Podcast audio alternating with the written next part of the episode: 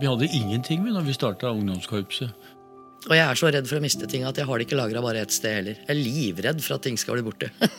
Noen ganger så mister man litt av den musikkgleden og den kreativiteten og improvisasjonslysten fordi at alt skal være så utrolig riktig, og man skal være så tro mot det skrevne til enhver tid. Velkommen til podkasten Byen vår. I en serie av episoder skal vi ta opp ulike sider ved Hamar, og i denne sesongen er tema Janitsjar-byen vår. Vi har invitert en rekke personligheter fra Janitsjar-miljøet til samtale og spør hva skjedde, hvorfor funka det, hva har vi lært, og hvor går veien videre? Mitt navn er laget Tune Myrberget, og i denne episoden skal vi snakke om musikken, notene og arkivets betydning for byen vår. Denne podkasten er produsert av Storyphone AS, og før vi setter i gang Dersom du tenker at dette er spennende og har lyst til å være samarbeidspartner eller sponsor, så er det bare å ta kontakt med oss. Her er episoden. Er vi i gang, eller?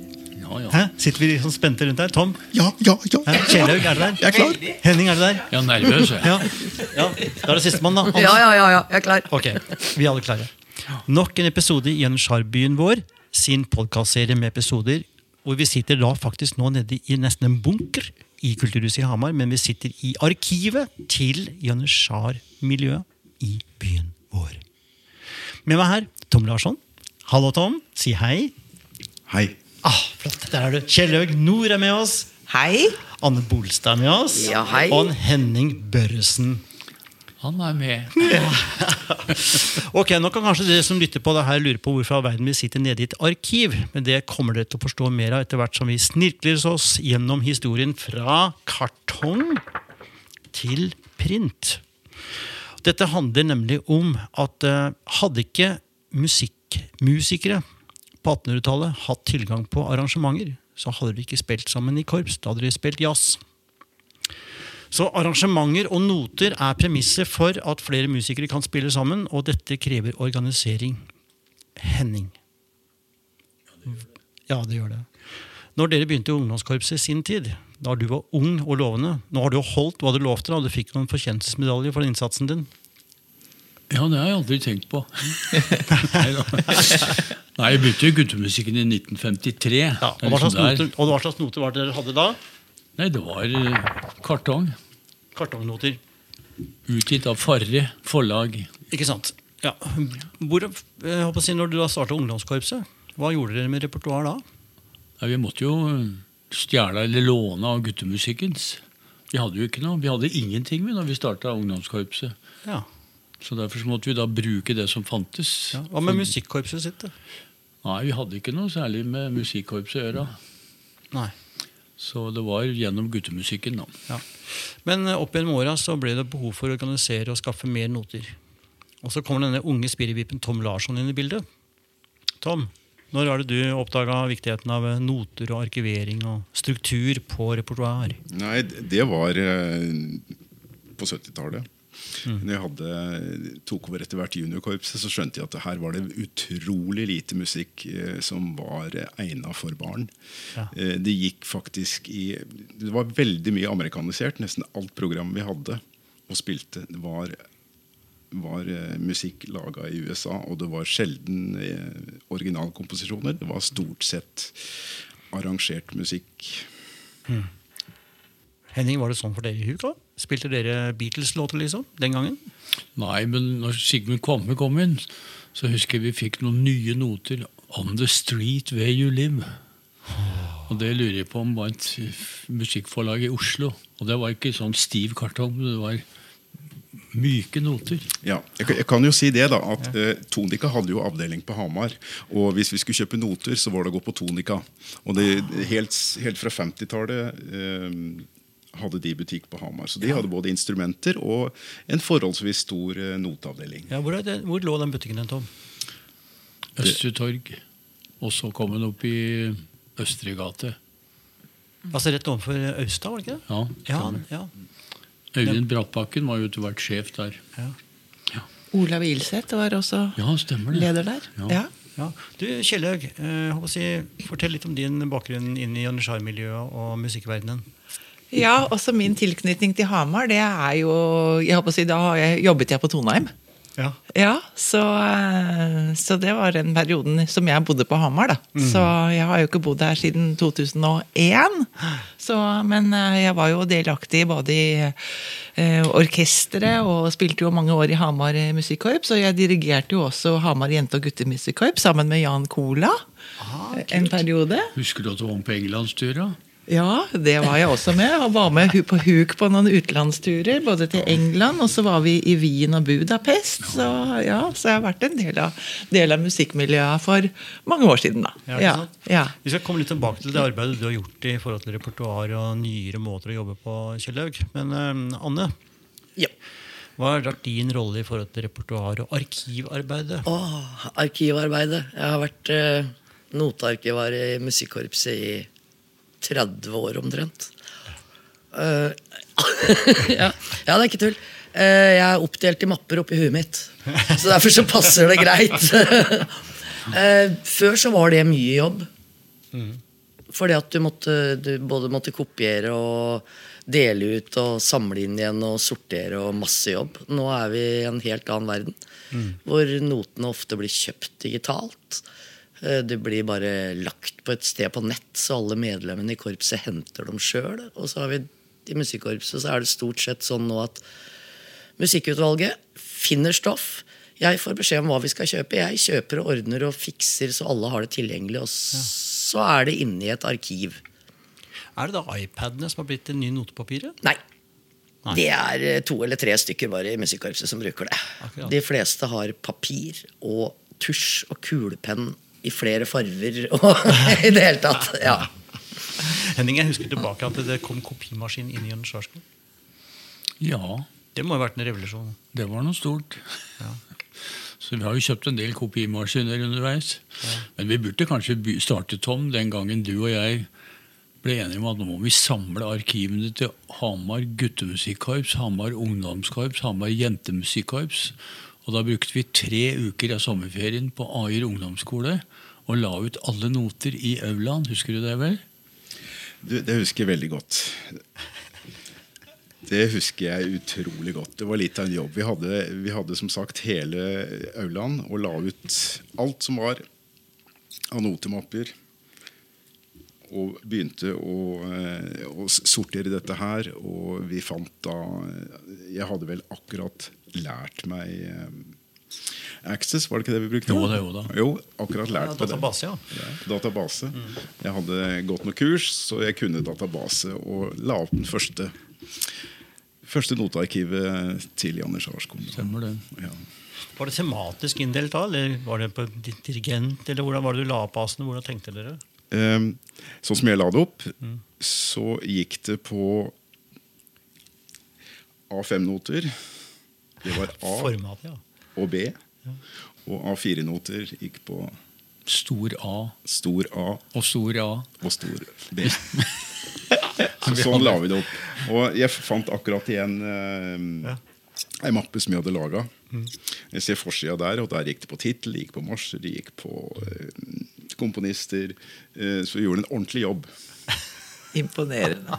Ja, vi har, jo- det er jo over ja, 1500 note, Nei, det, er snart, notesett bare her i Jonny Charles-skolen. det er snart 2000. Snart 2000. Snart ja. 2000 sett i Ansvarsskolen, og så er det, begynner det å nærme seg 3000 i musikkorpset. Fantastisk. Og så har du veterankorpset og damekorpset i tillegg. I samme rom. Så kan jeg I dette rom. Ja, i dette rommet. Ja, for Vi sitter altså da nede i kjelleren eh, for dere lyttere som har vært inne og sett teaterforestillinger på Teater Innlandet. Når dere går inn døra til salen der, da vender dere ryggen mot ei svart dør, og der inne sitter vi nå og prater. For her er det altså Hvor mange arkivskap er det her inne? Tom, har du kontrollen på det? Nei, men jeg husker at dette var noe jeg greide å få tak i når biblioteket flyttet. Så ba jeg pent om å få arkivskapet deres. Wow! Fy fader, bra jobba! Ja, for dette er imponerende. Altså, 1, 2, 3, 4, 5, altså, 8 flotte arkivskap her tjåka fulle med korpsarrangementer, noter. Er det ensemblemusikk her også? Ja, både ensemblemusikk og storband. Eh, I tillegg til korps. Ja. I tillegg til eh, Ja. Og så har vi et hemmelig skap som kun jeg har, og Karsten Dahlsrud har nøkkel. Og det er skapet til Hamar Brassjazz. Ok, Er det arrangementet til Anders Ørbekk? Ja, blant annet. Og en mm. del kjøpte, da. Ja. Det er jo listepasning over til deg, Kjellaug. Eh, ditt forhold til eh, digitalisering eh, Eller jeg kanskje egentlig skal vinkle spørsmålet litt annerledes nå. For at, eh, ok, Vi har kjøpt inn veldig mye noter opp gjennom historien. Dere nevnte jo tidligere at det var for mye amerikansk, og det var behov for litt mer tilpassa eh, arrangementer og norsk repertoar, kanskje. Og også sånn ferdighetsmessig også at notene er tilpassa nybegynnere, mer enn kanskje de mer voksne, flinke korpsa. Men så har jo ikke vi hatt så mange i vår organisasjon opp gjennom åra som har skrevet og komponert egen musikk, men Anders Ørbekk skiller seg jo særlig ut her. Så Kjellaug, der er det en liten reise hvor du har eh, vært med på et, eh, et bidrag da, i forhold til den arven etter Anders Ørbekk.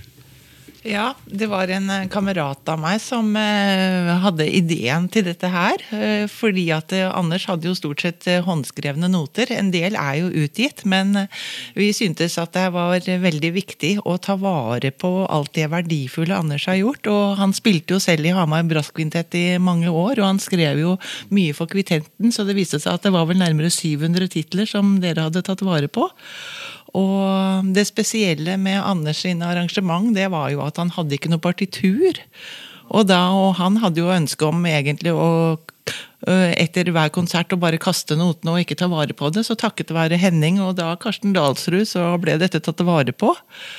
Og så kom jo da denne ideen at dette bør, eh, burde gjøres både tilgjengelig og ikke minst tas vare på for fremtiden. Så dermed så tok jeg fatt på dette prosjektet, så da har jeg vel digitalisert nesten alle kvintettene, i hvert fall som Anders har eh, enten arrangert eller komponert. Og så har jeg da tatt litt av korpsstykkene og en del ensemblestykker i tillegg. Ja. Wow. Mange, mange verk har det blitt. Ja, det har vel blitt mellom 450 og 500, tipper jeg. Ja, Etter rått overslag. Et grovt overslag. Hva, tenker, hva tenker du om det der, Henning? Det er en kjempejobb. Det er helt utrolig. For hvis det blir borte én note For Anders skrev jo aldri partitur. Så vi- Men altså, Anders skriver jo allerede partitur. Gjelder det både korpsarrangementer og ensemblestykker? Ja, Delvis. har ikke Ja, han hadde noen komprimerte partiturer, men uh, han hadde ikke noe fullstendige partiturer. Det fantes ikke. Så alt var i huet hans. altså Hver eneste stemme var i hodet, og så skriver han det bare ut for hånd. Ja, Imponerende. Det er som å skrive et skuespill hvor du tar Dette er Per, og dette er mor Åse, og så skriver du hele stykket gjennom. Mm. Ja, det er veldig, det er veldig spesielt. Ja. Veldig spesielt. Så da er alt det altså, det har blitt digitalisert, og så er det blitt lagt ut på nettsider. Så nå er det også tilgjengelig for kjøp. Ja, en del av eh, arrangementene, altså nærmere 200, er vel eh, tilgjengelig for kjøp, faktisk. da, Ja. I eh, en eh, nettbutikk som heter ensemblenotes.com. Ja, ikke sant? Ja, men Da legger vi lenker til det i kommentarfeltet under her. Jeg tenkte- på en ting, men Det er en spesialavtale rundt rettigheter og tilgang på de arrangementene som er litt spesielle for Hamar. Kjellaug. Ja, det er det. Og det er at eh, de som er fra Hamar, som ønsker å bruke noe av Anders' musikk, de behøver ikke å betale for å få noter, da. Så det er en hyggelig deal. Sånn at det er eh, gratis tilgjengelig for Hamars befolkning. Det der er så kult. Wow! Ja, ja Anne, Anne? Ja, jeg spiller i kvintett. Ikke sant? Men jeg har nøkkelen til arkivskapet. Godt med nøkkelpersoner. Ja, Ja, personer. ja. Tom? Jeg har lyst til å si litt om det Anders har gjort. Ja. Eh, Det er en uvurderlig skatt som Kjellø har, har satt vare på, og som vi kan få nytte av. Men jeg har noter hjemme. Eh, Anders han eh, satt jo på 50-tallet og hadde platespiller da, og satt og skrev ned tromboneduetter. Eh, pluss pianostemme, trommestemme, bassstemme. Det var jo sånn disse gutta jobba før i verden. Så det er klart det, når han satt og arrangerte, så hadde han alt dette i huet. Han visste hvordan hver enkelt akkordlåt, han visste stemmeføring. Ikke minst utrolig god på stemmeføring. Ja. Og den eh, holdt jeg på å si, den egenskapen den er nesten tapt i dag. For i dag er alt digitalisert og eh, gjøres på helt annen måte. ja. Altså, god klanger. Det klang veldig godt. Ja, Han visste hvor han skulle legge, ja. og i hvilket leie han skulle legge instrumentene. Veldig god sånn registerforståelse av klangen. Henning, Hvordan var det å jobbe med en Anders? Du spilte jo med han i flere sammenhenger og dirigerte med han. og... Det var jo ganske utfordrende. Det var en temperamentsfull full mann. Han hadde ideer. Og Nesten til hver eneste kvintettøvelse så kom han med et nytt arr. Og hvis han syntes at dette lå dårlig, så da reiste han seg opp og så ba han få samla inn notene, og så skulle han rive det i stykker. Og da var det jeg kom inn og sa niks, denne tar vi vare på. så jeg, så jeg han, Anders sa jo til meg at du har en arkivasjel, sa han til meg. Og det er jeg stolt av, den kommentaren, for det stemmer. Det har du, Anne. Ja, det har jeg jo. Ja, ja. Ja. Ja, Hvordan forvalter man en sånn type sjel, Anne? Jeg skal love deg det at det blir aldri borte ei note. Det blir aldri levert ut en originalnote fra et eneste sett. Sånn er det. Og sånn som vi gjør det nå, så driver jeg med notene til Ansjarskolen også. Og jeg, altså, jeg kjører det på skanning først, Nemlig. og så blir det arkivert. Ja. Da er det der.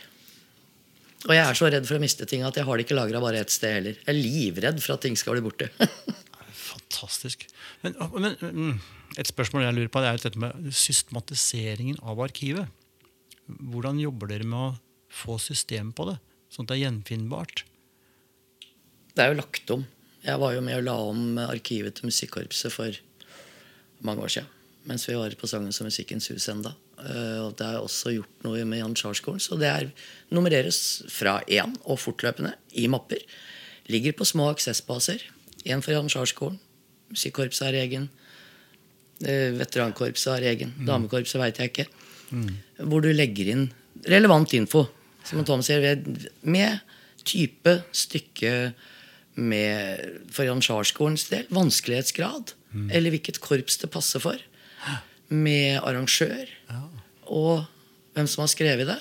Og hvis du har en liten kommentar, så er det et eget felt i databasen hvor du kan skrive små kommentarer. Og, og da kan du søke i en aksessbase på hva du vil, omtrent. Så finner du det. Og så kan du gå rett inn i det gamle bibliotekarkivet her, og så kan du bare gå rett på nummeret, og så finner du stykket. Jeg tror ikke det finnes noe sted i Norge hvor det er samla så mange noter. Nei, det skal mye til, altså. Det er bare helt Ja, fantastisk. så hadde det ikke vært Tom, for at du skaffa dette her fra Teater Innlandet, som ikke trengte depot, så hadde ikke dette rommet her blitt til. Med noter, altså. Stemmer vel det?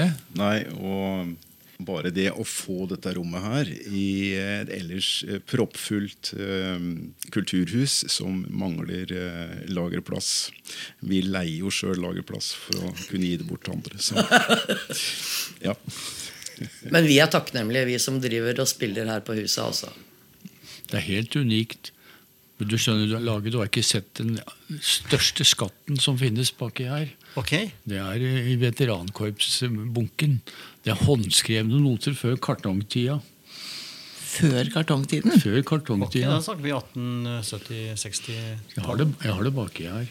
Du vet sikkert hvor de er. Ja da, jeg vet hvor de er. Vi skal få se på det etterpå. Det er sånn som jeg sa. Mer digitaliseringsjobb, med andre ord. Ja, det er sånn som jeg nevnte for deg, det der med Jeg sitter på originalnotene til Hamarmarsjen. De er òg håndskrevne. På, Sverre Berg. Ja, Sverre Berg. Helt uhåndterlig format og alt som er. Men jeg syns det er så positivt med frivillige sjeler. Altså, det er jo bare, jeg er bare så imponert over den jobben eh, dere har eh, gjort og gjør. For eh, hva skulle man gjort uten frivilligheten og sånne type ildsjeler? For det er jo helt avhengig av at man har sånne ildsjeler for å, at man ivaretar sånne ting. Fantastisk. Ganske snedig av deg, Tom, å se den muligheten for depotrommet og få inn de eh, arkivskapene her fra gamle biblioteker. da. Jeg syns du skal være litt fornøyd med. Her vi sitter. Jeg er veldig godt fornøyd, jeg. jeg. For å si det, da. Jeg hadde jo ansvaret for å flytte over eh, folket fra, fra Sangens og Musikkens hus og via via yrkesskolen og ned hit. Det var eh, litt av en jobb. Det var litt av en flyttesjø vi hadde. Men eh, vi, jeg syns vi har fått det bra. Ja. Vi er det- godt fornøyd. Jeg slår deg litt, da. Jeg må jo skryte av at jeg har vært med å flytte arkivene sju ganger. Kjære. Fra Midtbyen til Rollsløkka, til Børstad ungdomsskole, til Aier ungdomsskole, til Sangens og Musikkens hus, og så hit. Den rekorden er det Ja, ingen som slår, for her skal vi være. Nå glemte Nå, glem, nå glemte du yrkesskolen. Fantastisk. Nå glemte du yrkesskolen. Yrkesskolen, ja. Ja, søren, vi var innom yrkesskolen òg, ja. Ja, ja. Vi kan jo si det når det gjelder arkiv. Da. Det var jo da vi f- fikk alle arkivene fra Sangens og Musikkens hus inn i ett rom. Et rom, ja. Og det har gjort det litt annerledes. Fordi at det har vi da fortsatt her òg. Og så sier vi det er ett arkiv. Vi kan ikke løpe rundt. altså Hamar ungdomskorps, skal de kjøpe det stykket som står i nabohylla? og Sånn for Ja, det er mange noter her. ja. Rett og slett. Rett og slett. Tom, spørsmål til deg, for du har en litt spesiell rolle i Janitsjarbyens historie. Nei, spesiell. Men du, i Janitsjarskolen, tok initiativ til å starte storband. Ja, det gjorde jeg. Hvordan eh, lå repertoaret an da? da? Du, det var for så vidt ganske greit. For det eh, Eller greit og greit. Jeg fikk tak i noen enkle eh, storbandaer.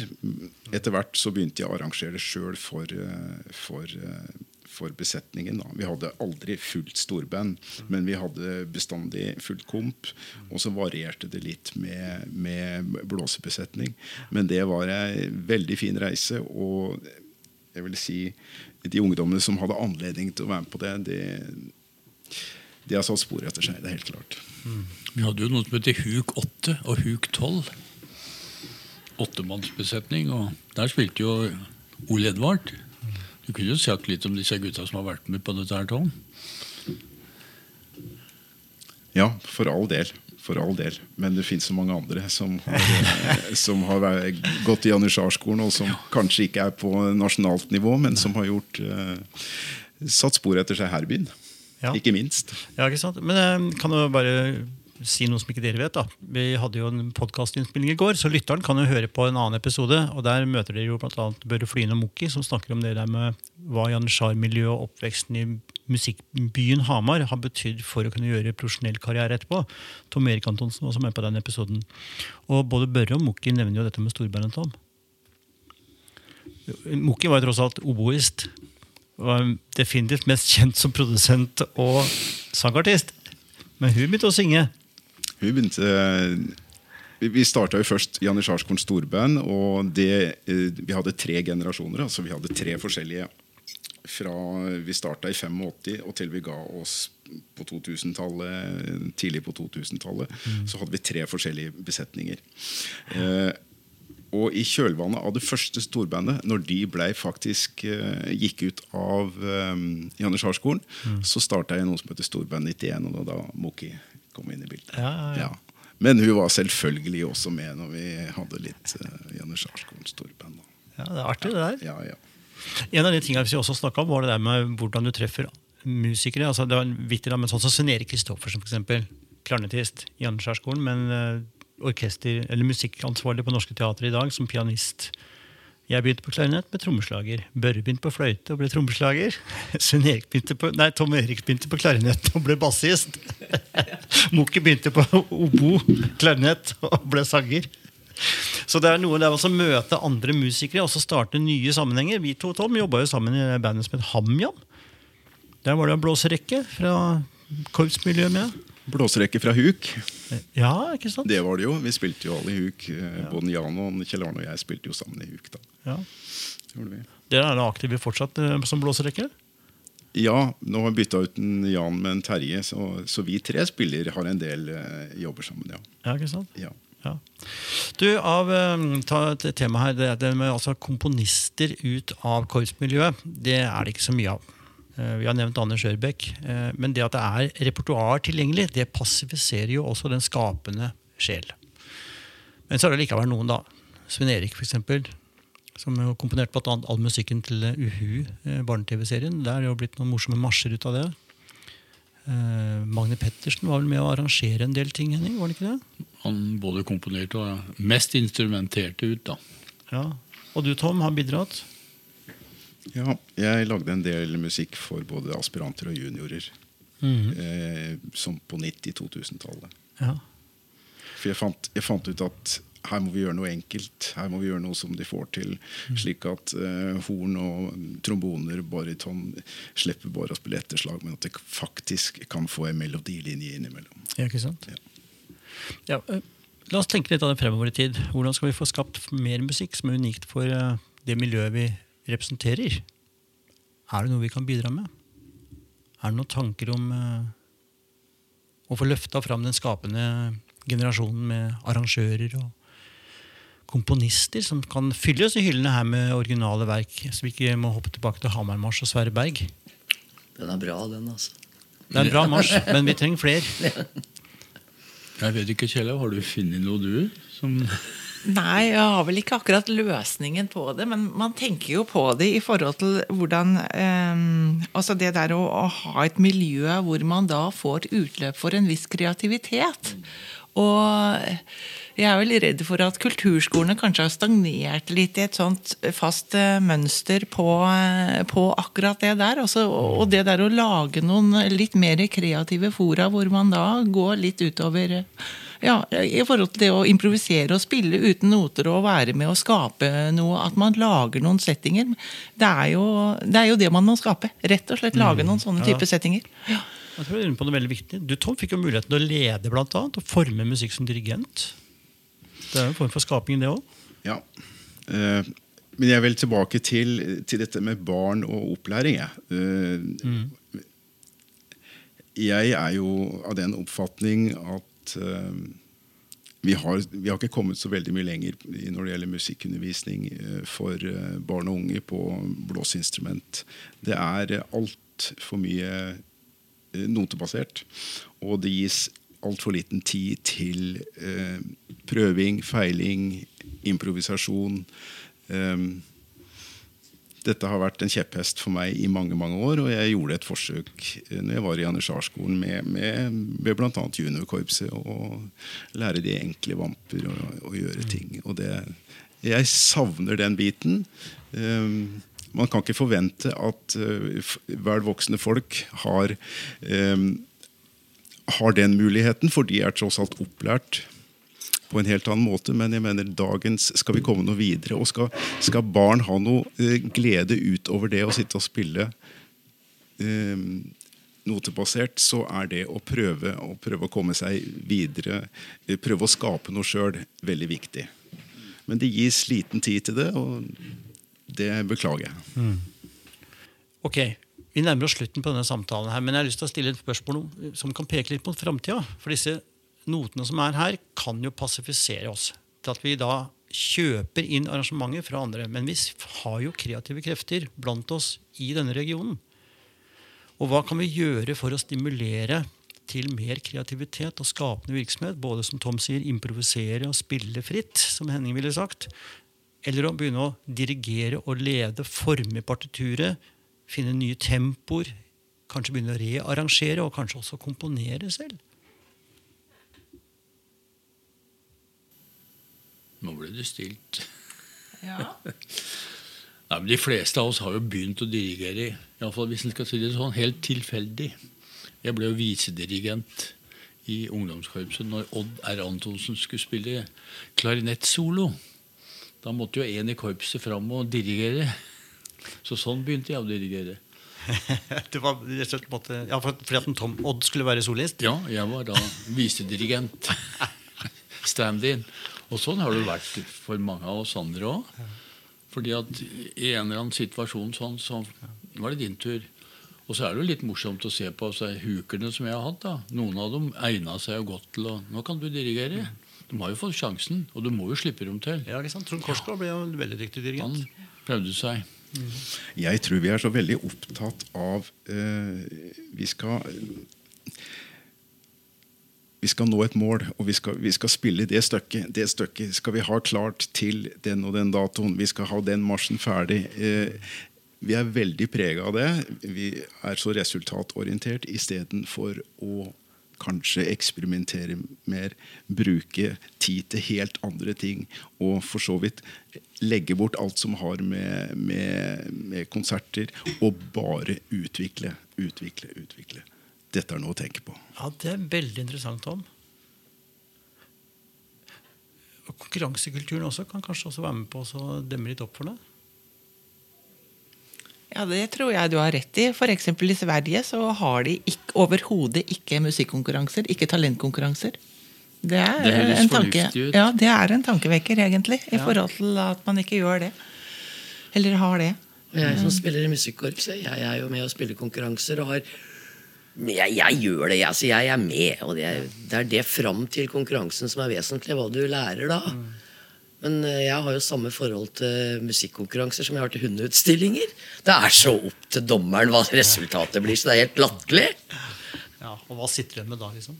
Ja, da sitter du igjen med det du har gjort fram til konkurransen.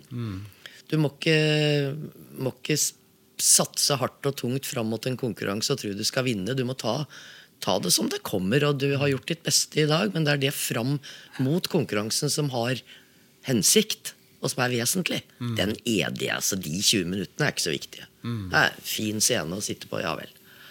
Jeg synes det er utrolig interessant den eh, vinklinga du har på det her, Tom. fordi at eh, Jeg har også tenkt mange ganger at det skal være, det skal være så riktig. Og det, noen ganger så mister man litt av den musikkgleden og den kreativiteten og improvisasjonslysten fordi at alt skal være så utrolig riktig, og man skal være så tro mot det skrevne til enhver tid.